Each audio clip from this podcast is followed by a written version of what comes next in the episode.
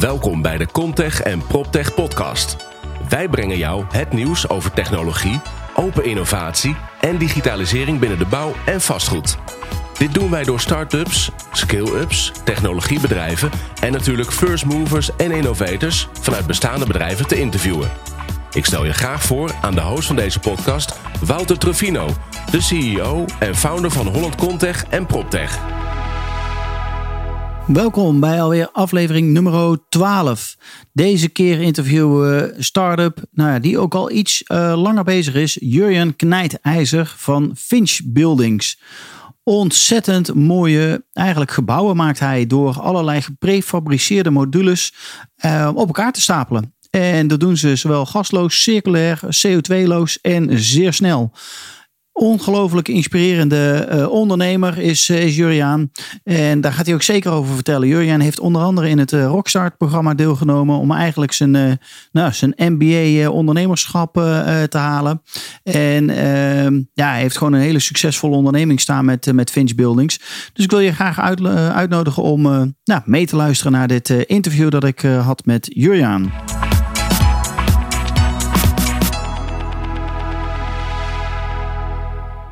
Ja, vandaag zitten we dus met Jurjan, uh, Jurjan Knijtijzer uh, van Finch Buildings. Ja. Jurjan, welkom. Dankjewel. Leuk om hier te zijn. Ja, vertel eens, wie ben jij?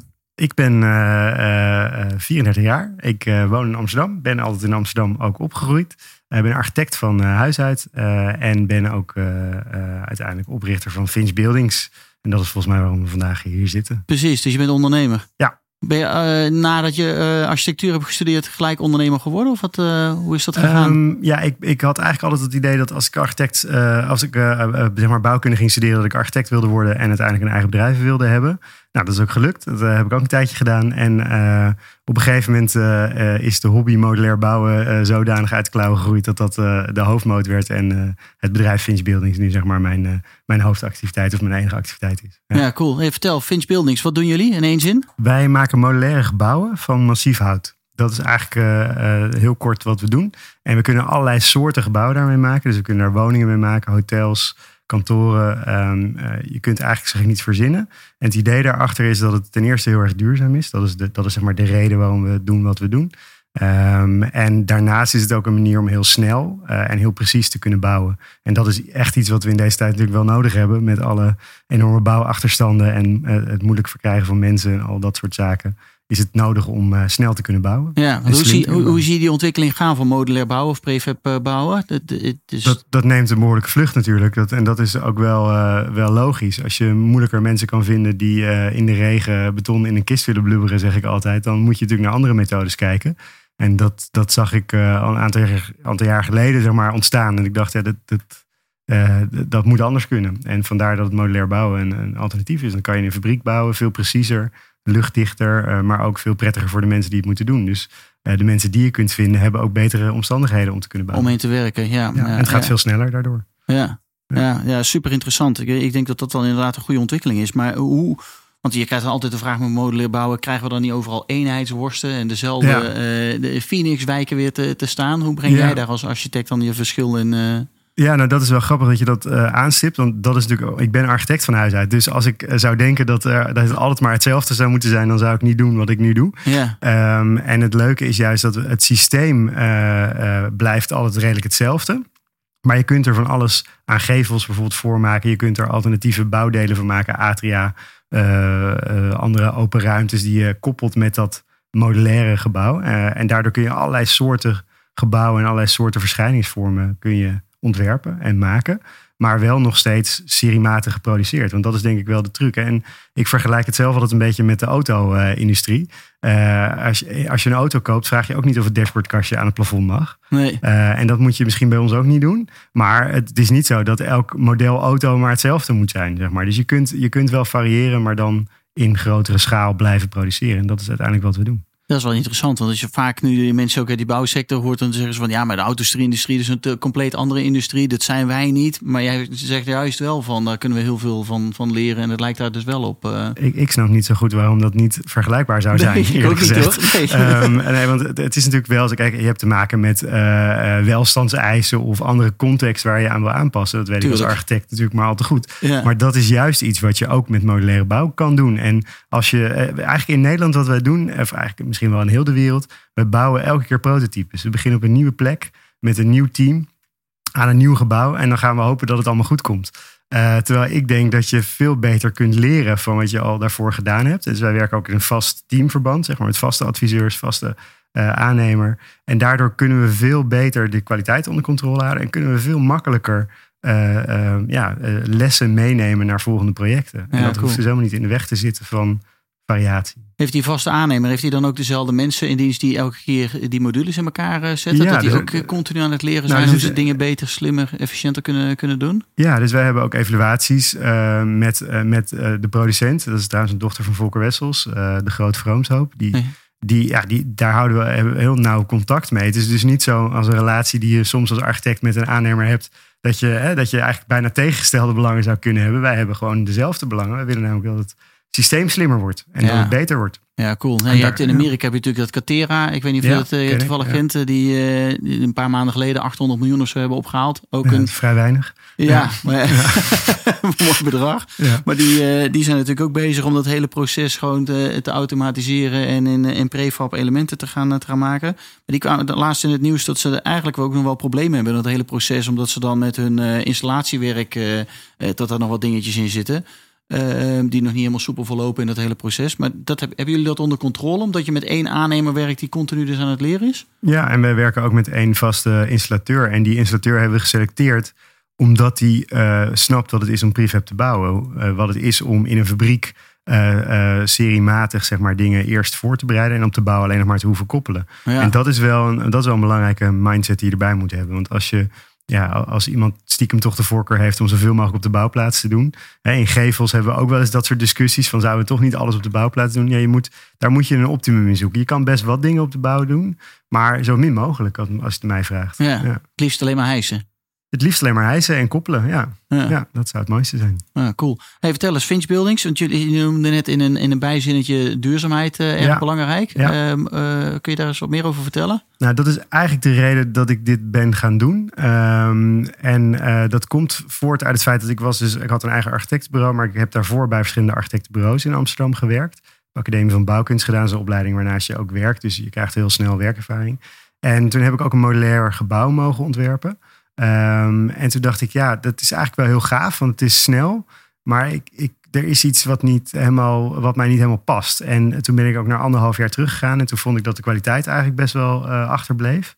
Uh, en ik miste ook heel erg de duurzaamheid. En dat miste ik ook toen ik later weer als architect zelf aan de slag ging. Dan, ik heb, ja, het is heel cliché, maar El Gore is voor mij echt zo'n breekmoment geweest in mijn ondernemerschap. Dat ik dacht, ja, we moeten iets met dat klimaat en we moeten daar echt hard aan werken. Met die film die die toen die gemaakt film, ja, sorry, heeft. Inconvenient uh, Truth heeft hij toen gemaakt. En toen dacht ik, ja, daar, daar, moeten we, daar moeten we iets mee. Um, en elke keer als ik dat dan voorstelde bij opdrachtgevers, zeiden ze: Ja, nee, we snappen het, heel leuk, maar geen geld voor gaan we niet doen, uh, niet belangrijk genoeg. Ja. En toen dacht ik: Ja, dit, dit gaat, uh, dit gaat niet goed, komen. Nee. en, en ik miste ook eerlijk gezegd als architect, uh, zeker in crisis als, als jonge startende architect, was het vooral: hey, joh, maak eens een leuk gevelontwerpje en bemoei je verder niet met de rest van het gebouw. Ja. En toen dacht ik: Dat is eigenlijk wel jammer, want ik, ik, ik denk dat het bouwen iets integraals is. Dus wat je met, uh, met z'n allen moet doen. En dan moet je dus ook met z'n allen invloed kunnen hebben op dat proces. Dus eigenlijk die drie dingen leiden ertoe. Dus het gebrek aan duurzaamheid, het gebrek aan uh, kwaliteit in modulaire bouw. Uh, en het feit dat ik als architect dan ook in staat was om een product op de markt te brengen. In plaats van alleen maar een dienst te verlenen kwamen samen in wat vindjes. En, dat, de, en zeg maar de katalysator daarvoor was het massieve hout wat ik tegenkwam. Ja. Um, een massief hout is, is, is het bouwmateriaal dus dat wij gebruiken. Um, uh, en dat slaat CO2 op. En dat is, dat, is, ja, dat is eigenlijk zo revolutionair bouwmateriaal. Want alle andere bouwmaterialen stoten CO2 uit, uit met ja. het produceren. Ja. Dus als je met hout bouwt, sla je CO2 op. Uh, en je bespaart ook nog eens een keer al die andere bouwmaterialen die anders CO2 zouden veroorzaken. En dat bij elkaar maakte dat als ik, als ik dacht, als ik een module maak van massief hout, dan heb ik dus een product wat ik op de markt kan brengen, wat duurzaam is.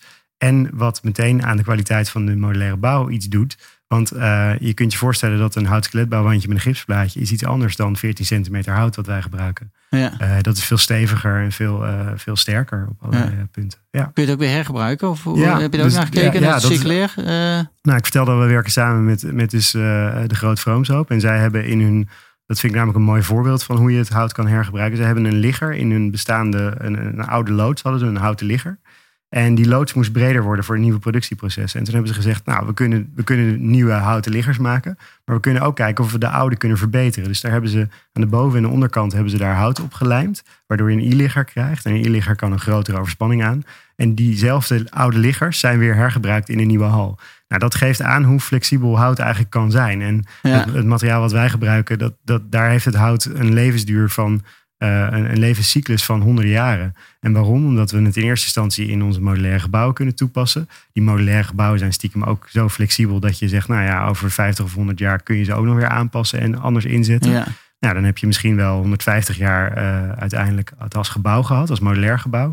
Dan kan je zeggen, nou, ik maak er nog een nieuw gebouw van met losse platen of ik maak er een tafel van. Uh, en in het allerslechtste geval, na heel lang, kan je er een biobrandstof van maken. En dan heb je dus alsnog een CO2-neutrale exploitatie. Ja, ja, knap hoor. Ja. Dus dat, ja. Maar ja, dan nog met jouw verhaal. Eh, hoe wordt daar door gereageerd, zeg maar, op, door de markt? Want ik kan me toch voorstellen dat mensen heel snel denken van ja, maar dat zal wel duurder zijn. Ja, en nou, dat, wat, wat wij gemerkt hebben is dat wij, uh, modulair wordt heel vaak uh, geassocieerd met tijdelijk. Ja, ook dat. Um, en, ja. en, en, dat, en, dat, en daarmee ook met goedkoop. Ja. Um, en, uh, en de slechte kwaliteit. Terwijl wij eigenlijk vanaf het begin af aan het systeem zo ontwikkeld hebben dat we voor de permanente uh, uh, gebouwen zijn. En waarom? Nou, ik ben in jouw gebouw geweest op Fab City. Ja. Dat was anderhalf jaar geleden, denk ik. Of twee zo. jaar geleden. Ja. Nou, maar dat zag er echt niet goedkoop uit, zeg maar. Nee, dat nee, is gewoon en, luxe. En ook, en ook niet tijdelijk. Nee, en, ook dat niet. is niet de bedoeling. Want Nee. als je tijdelijk een gebouw maakt en dat sloop je over tien jaar weer, dan zijn we ook niet duurzaam bezig. Dus je moet juist voor de lange termijn kijken. En dat is wat wij ook, uh, wat wij ook gedaan hebben. Uh, en de markt uh, heeft echt wel een aanloopperiode nodig gehad om modulair bouw überhaupt te accepteren. Dat, Ja. dat zie je dat dat al hè, steeds beter gebeurt. En dan zijn wij zeg maar de, ja, jij noemt het luxe, uh, uh, de, de, ja, de hoge kwaliteit, bijzondere woonvorm, maar wel modulair gebouwd. Dat, is- dat is wat, is wat wij zijn. En dat, daar is de markt ook wel steeds meer in geïnteresseerd gelukkig. Dus dat Cool. is wel fijn. Ja. Hey, vertel eens, hoe is jullie geschiedenis zeg maar, gegaan? Wanneer zijn jullie gestart? Ik ben uiteindelijk het bedrijf gestart in 2014. Ehm, en eh, ja, toen eh, eigenlijk gewoon eh, eh, begonnen. Zoals elke ondernemer dat gaat doen volgens mij. Die gaat om, achter een bureau zitten en zeggen, nou ik ben begonnen. En we hadden al wel wat klusjes. En, en, en, ik moet zeggen, in het begin dacht ik ook, oh wow, dit gaat echt ontzettend hard. Maar dan merk je dat de bouw best wel een weerbarstige markt is. Het is conservatief, duurt allemaal lang. Nou, dat zijn allemaal lessen die we geleerd eh, hebben intussen. En op een gegeven moment kwam Rockstart eh, eh, om de hoek. En die zeiden, wil, jij niet meedoen aan ons programma? Oh, Oké, cool. Rockstart is een start-up accelerator in Amsterdam. Ja. En daarvan dacht ik, ja, dat, dat, dat is wel interessant. Want ik als architect, ik ben natuurlijk geen ondernemer. Ik ben gewoon opgeleid om mooie dingen te maken. Maar niet per se om, om te ondernemen. Ja, hoe lang duurt het programma van? Eh, dat was, eh, dat was Drie volgens mij maanden? drie maanden. En dan nog eh, drie maanden, zeg maar, een soort uitloopperiode. En daarna ben je alumni. Dus dan kan je nog steeds ja, meedoen aan allerlei activiteiten. En gebruik maken van het netwerk van Rockstart. En wat leer je dan in die drie maanden? Ik noem het altijd een soort mini. Nou, dat leer je natuurlijk helemaal niet, want dat kan je helemaal niet leren, denk ik. Dat moet je gewoon ondergaan. Maar bij Rockstart leer je wel, was voor mij een soort mini-MBA. Dus eh, ja, de meest, waar, waarvan denk ik de meeste ondernemers zeggen, ja, dat zijn hele simpele dingen, waren voor mij nieuw. En dat heb ik daar in heel korte tijd kunnen leren. Dus eh, hoe je team samenstelt, hoe je, hoe je eh, agile werkt. weet je, al dat soort dingen hebben we daar eh, in meegenomen. En ik denk dat het allerbelangrijkste is mensen tegenkomen die het al een keer gedaan hebben. Ja, En daarmee praten daarover, eh, dat netwerk uitbouwen. En uiteindelijk ook daar funding. Hè? Dus na Rockstart kwam op een gegeven moment ook eh, meer funding, wat via het netwerk van Rockstart kwam. Eh, waardoor we eh, ja, konden doorgroeien en het product verder volwassen konden maken. ja, want hoeveel mensen zijn jullie nou inmiddels? Wij zijn nu met z'n tienen. En dat, zijn, dat is een, samenstelling van mensen die dus ontwerpen nog steeds. Dat doen we ook. Die zeg maar zorgen dat alles in BIM-modellen terechtkomt. Zodat we ook slimmer kunnen bouwen. En dat zijn mensen die met marketing, sales, eh, strategie, office management, dat soort dingen bezig zijn. Ja, maar je noemde net ook dat je heel veel partners hebt. Eh, Ja. eh, als je die allemaal mee zou tellen, hoeveel man kom je dan uit die bezig zijn met Finch Buildings? Dat weet ik niet, maar ik denk dat we wel richting de, richting de 30, 40 man gaan of zo. Cool. Ja. Ja. dus er wordt echt flink ja, er wordt geklust aan flink, mogelijk. geklust aan, aan Finch op het moment. Ja, Ja. dat is heel leuk. Ja, gaaf. Ja, ja ik vind het ook wel, af en toe vind ik het echt een, uh, zeg maar, een eer dat je zo'n uh, zo'n machine kan, uh, kan ja, dat je daar daarop kan sturen. Dat vind ik echt heel gaaf om dat te doen. Dat welke... is denk ik ook ondernemerschap. Ja, dat, dat, is zeker. Ja, ja, precies. Ja, dat is superleuk. Ja, ik vind het ook hartstikke leuk.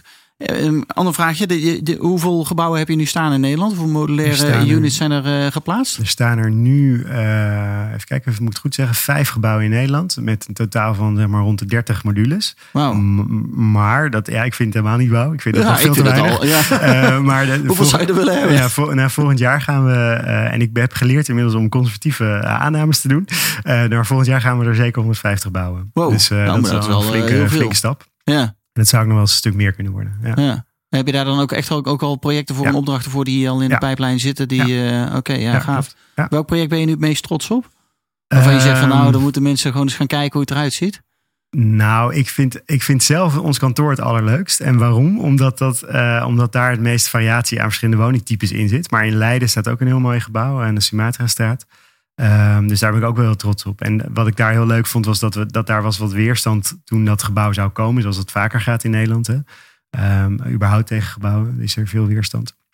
En uh, nu het er staat, waren de krantenkoppen van dit is het mooiste gebouw van de wijk en uh, dat soort dingen. Dus dat is dan oh, wel leuk. Dat, ja, dat en is hoe, wel reageert de, re, hoe reageert de, buurt, zeg maar? De ja, nee, die zeiden, die, oh, die, die zeiden, dat. dat ja, oh, dus, niet dat alleen de journalist. Ja, nee, niet alleen de journalist. Nee, het was een quote van een bewoner. Sorry. Oh, mooi. Ja, ja, ja, Dus dat is wel fijn. En uh, ja, dat, dat geeft, uh, geeft de burger moed, toch? Dat ja, dat is super mooi. Ja. dat zijn de mooiste complimenten die je denk ik kan krijgen, toch? Dat denk ik ook. Ja. ja. ja. Cool. Hey, um, volgens mij doe jij nog veel meer dan alleen Finch Buildings. Want je hebt ook een sociale onderneming zeg maar, dan, daarnaast. Uh, ja, je dat komt net uit de, terug uit de Filipijnen. Ja. Uh, vertelde je net in het voorgesprek. Vertel daar eens wat over. Wat doen jullie nou, daarmee? Wat interessant is misschien om te vertellen... is dat Filipijnen is het land waar je klimaatverandering het meest ervaart.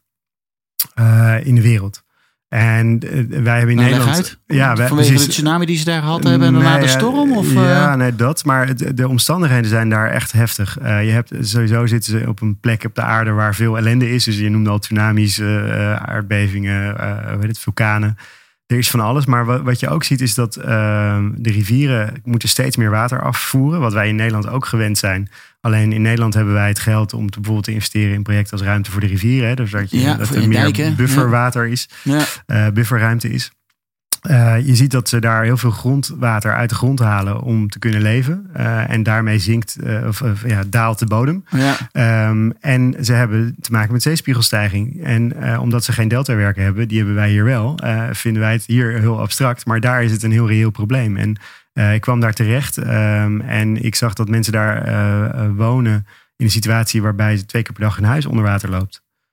Uh, ja. ja. dat is gewoon niet voorstelbaar. Dus wasmachine staat hoger, televisie staat hoger, want ze, ze zijn gewend dat dat maar elke keer gebeurt. Ongelooflijk. en toen dacht ik, ja, dit, dit, dan kan je in Nederland wel bezig zijn met huisvesting. En we zijn natuurlijk een veel te klein bedrijfje om al iets met MVO te doen en dat soort dingen. Dat kan eigenlijk helemaal niet. Um, maar we hebben toen uh, kwamen twee jongens naar mij toe vanuit de TU Delft, uh, Johan van Schijk en Pieter Ham. En zij uh, zeiden, wij, wij zoeken eigenlijk een afstudeerproject en we vinden Finch leuk, maar we willen iets in het buitenland. Toen zei ik, nou ja, kunnen we niet kijken of we iets met de Filipijnen kunnen doen. Ja, en dat is van een afstudeerproject uitgelopen, uit, uit de hand gelopen. Hobby. Tot, uh, ja, nou, dus, uh, ja, tot, tot, tot, een, tot een stichting. En we, ik ben dus net terug uit de Filipijnen, omdat we daar de eerste woning hebben gebouwd. Wow. Dus de eerste woning drijft daar nu in, uh, in de Filipijnen en wordt getest de komende maanden en jaren om te zien of we alles goed gedaan hebben. Het is echt een prototype. We gaan daar nog dingen aan klussen en veranderen over de tijd. En de bedoeling is dat we dan uiteindelijk wijken kunnen maken die dus meedrijven met... Uh, met het stijgen van de ja. zeespiegel op het moment dat het... Uh, ja. ja.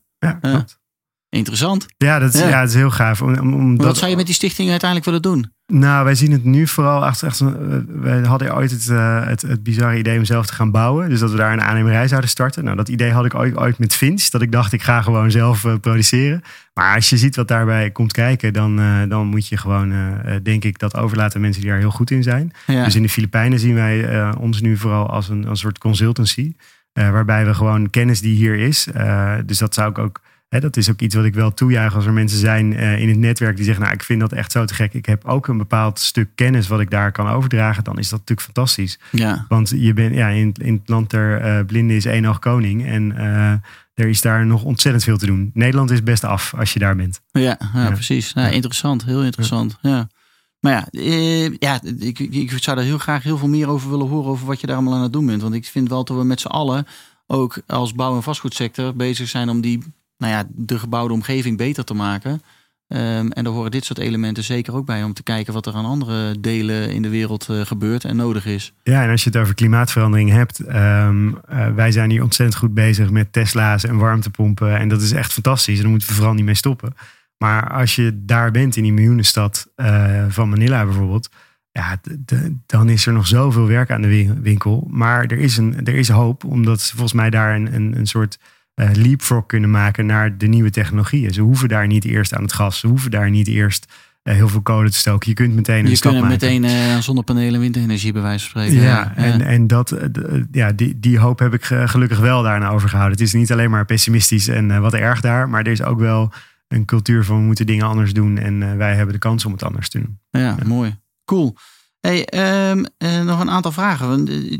Uh, met business ben je, natuurlijk groei onderweg gekomen. Uh, klanten vinden uh, is vaak in het begin lastig voor, voor jonge ondernemers. Ehm, wat zou jouw les zijn voor nou ja, de jonge ondernemers zeg maar, van de toekomst die morgen zeg maar, een, een bedrijf zouden willen starten in, in bouw of vastgoed? Nou, ik denk dat, dat het belangrijkste is dat je van tevoren realiseert dat, uh, dat, dat de vastgoedsector een, een conservatieve sector is. Dus dat, heeft, dat heb ik echt uh, op de harde manier moeten leren. Duurt allemaal net even iets langer dan je denkt. Ja. Uh, maar volgens mij is de truc om, om door te zetten. En niet door te zetten op een manier waarbij je gewoon maar je zin doordrijft en denkt dat het allemaal wel goed komt. Maar luisteren naar de markt, zien wat er anders kan. Maar, maar dan ook niet denken, ja, dit is, dit is zo'n nieuwe uitdaging, daar ga ik niet meer aan beginnen volgens mij is het wel zaak om, om door te blijven zetten. En ook, uh, nou ja, ook, ook wel te blijven geloven in wat je aan het doen bent. Dat is wel belangrijk. Mooi. Is Ja. dat de belangrijkste les die je dan ook geleerd hebt, zeg maar? Ja, ik denk het. Ja. Er zijn zoveel momenten geweest waarop je, en volgens mij heeft iedere ondernemer dat, waarop je gestopt had kunnen zijn. Maar dat misschien wel de makkelijkere me- methode was. Dat je dacht, Ja. nou, ik had, beter, eh, ik had beter gewoon een baan kunnen gaan zoeken. Ja. Maar uiteindelijk moet je doorzetten, eh, denk ik, wil je echt de wereld veranderen. Dus, eh, Succesvol zijn, ja, precies. Ja. Ja, mooi. Eh, de laatste vraag eigenlijk. Eh, bouw- en vastgoedsector is een van de laatste sectoren op aarde natuurlijk die op, nou ja, eigenlijk gebruik kan maken met nieuwe technologie, open innovatie en digitalisering. Hoe zie jij de toekomst van onze sector? Zie je die nu aan het veranderen? Of, eh, Ja, wat ik al zei, het gaat langzaam eh, in, in de sector, vind ik. Eh, Ja. maar dat komt misschien omdat ik ongeduldig ben. Ik vind altijd dat het sneller kan en beter kan. Maar wat ik wel heel interessante ontwikkeling vind, is dat we. ehm, maar ja, als jij van 30 gaat naar 150 volgend jaar, dan gaat het vrij rap. Ja, maar nog, mij, nog niet rap genoeg. Nog niet eh, rap nee. genoeg. Maar ehm, eh, nou ja, en wat, wat, dat is waar. Eh, en die verandering zie je ook wel. Die, die wordt ook wel ingegeven door marktomstandigheden, denk ik. Maar eh, ik vind, wat ik interessant vind, bijvoorbeeld om te zien, is, is, is BIM-technologie. Hoe, hoe we daarmee nog sneller, slim, slimmer kunnen bouwen. Dat je beter kan samenwerken met partners. Ik denk dat dat ook wel echt iets is wat, wat, wat, waar nog veel, veel mensen zeggen dat ze bimmen, maar ze bimmen niet echt. Nee. Is mijn veronderstelling. Dus eh, waar je, waar je eh, heel veel informatie in het model kan stoppen en ook uit kan halen, wordt dat lang niet altijd gebruikt. En is het eigenlijk stiekem een, een veredelde 2D-tekening met wat iets meer informatie. En daar is, daar is nog wel een wereld, is mijn ervaring in te winnen. Nou ja, zeker als je met eh, ketens of met andere partners gaat samenwerken. Je Ja. moet het overdragen over verschillende fases in het hele bouwproces. Dan, Ja. dan is dat zeker interessant, ja. Ja, nee, dat denk ik ook. Dus nee, en dat, dat vind ik een, een leuke stand van zaken. En je ziet ook, wat ik ook een interessante ontwikkeling vind, is de sensortechnologie en dat soort zaken.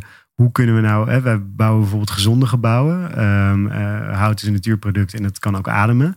Maar hoe tonen we dat nou aan? En dat is, dat is nog wel echt een, ook, een, ook een uitdaging die in de sector ligt. Hè. Gez- Gezonde gebouwen wordt vaak gekoppeld aan daglicht en, en een beetje plantjes. Wat ook Ja. heel goed is. En dat bedoel ik niet Ja. denigrerend. Dat is natuurlijk ook heel belangrijk voor het welzijn van mensen. Maar er zit nog een stap achter. Wat voor bouwmaterialen gebruiken we nou eigenlijk? En hoe kunnen we daar de beste keuzes in maken? En volgens Ja. mij gaat daar ook wel de komende jaren een hoop eh, in gebeuren. En wat heeft daar dan het effect op op de mens? Gaat hij Ja, dan gezonder een gebouw uit dan dat hij erin is gekomen in het begin van de dag? Ja, net zoals ik, ik heb Ja. ooit geroepen, waarom zouden gebouwen niet kunnen bijdragen aan het oplossen van de klimaatverandering, in plaats van dat ze altijd een probleem zijn voor de klimaatverandering. Ja, Eh, zo zou je ook kunnen zeggen, waarom zouden gebouwen niet kunnen bijdragen aan je gezondheid, in plaats van schadelijk zijn voor je zon- gezondheid, wat ze vaak zijn. ja, precies. Ja, dat is super interessant. Maar ik denk wel dat daar gaat wel wat in gebeuren de komende jaren. Dat denk ik ook. Zeker de allerlei nieuwe technologische ontwikkelingen kunnen we daar wel wat mee doen. Alleen, hoe gaan we dat meten? Dat is nog wel even een... Nou, dat eh, is, daarom vind ik eh, een sensortechnologie en dat soort zaken. En het is, ja, dus dat, daar staan we echt aan de vooravond. Er zijn wel wat onderzoeken, ook over hoe je met hout gezond kan bouwen. Maar ehm, dat, dat op grotere schaal onderzoeken en aantonen, dat is nog wel een uitdaging. Ja, mooi. En natuurlijk helpen jullie ook graag aan, aan nieuwe klanten. Naar wat voor soort organisaties ben je op zoek om mee, mee samen te werken? Nou, voor ons zijn eigenlijk de, de, um, de leukste klanten zijn uh, projectontwikkelaars, corporaties, uh, zorginstellingen, uh, hotel, exploitanten, dat soort partijen. Dus mensen die de wens hebben om iets nieuws te bouwen of om, iets, om iets te veranderen aan hun vastgoed. En dat op een duurzame manier willen doen. En daarbij snappen dat modulair wel eens de oplossing zou kunnen zijn. Dat, dat zijn onze dat zijn droomklanten. De, de, de droomklanten, ja, ja, precies. Ja. Nou ja, heb je nog een boodschap voor ze? Zeg maar van, uh, ga naar www. Uh, ja, nou dat, dat sowieso. sowieso een goed idee. Ga naar www.finishbuildings.com. Maar uh, ik denk ook, kom een keer langs bij ons op kantoor. Omdat ja. we dan echt, um, ik, ik, zei volgens mij in het voorgesprek al, je moet, je moet soms laten zien aan mensen wat je doet. Want anders is het, blijft het praten over tekeningen en mooie plaatjes. Kom een keer langs, kom het zien. Uh, en kom een keer op de wand kloppen. En dan denk ik dat je wel overtuigd bent van de, de kwaliteit van het product dat wij maken. Nou ja, dat zou ik ook van harte willen aanbevelen. Want we waren op Fab City. En ik zal niet de, degene noemen die naast jullie stonden. Uh, maar het verschil was zo enorm groot. Dat het echt een verademing was om toen bij jullie uh, binnen te lopen. Ja, dus ik kan inderdaad iedereen aanraden om een keer bij je langs te komen. Want ja, je, je weet echt niet wat je ziet. Ik heb ook ja. echt nog nooit. Dat is misschien omdat we bevooroordeeld zijn. Maar ik heb nog nooit iemand gehad die bij ons binnenkwam en zei: Ik vind niks. Ja. Dus, nee, dat kan niet. Nee, dat kan, niet. Dat heb ik echt letterlijk nog nooit gehad. Dus ik daag de mensen vooral uit om langs te komen en dan toch uh, kritische vragen te stellen. Ja. Goed zo. Nou, ja. hartstikke mooi. Julian, ik wil je hartstikke bedanken voor dit leuke interview. Graag gedaan. Vond het hartstikke leuk. Dankjewel. Top.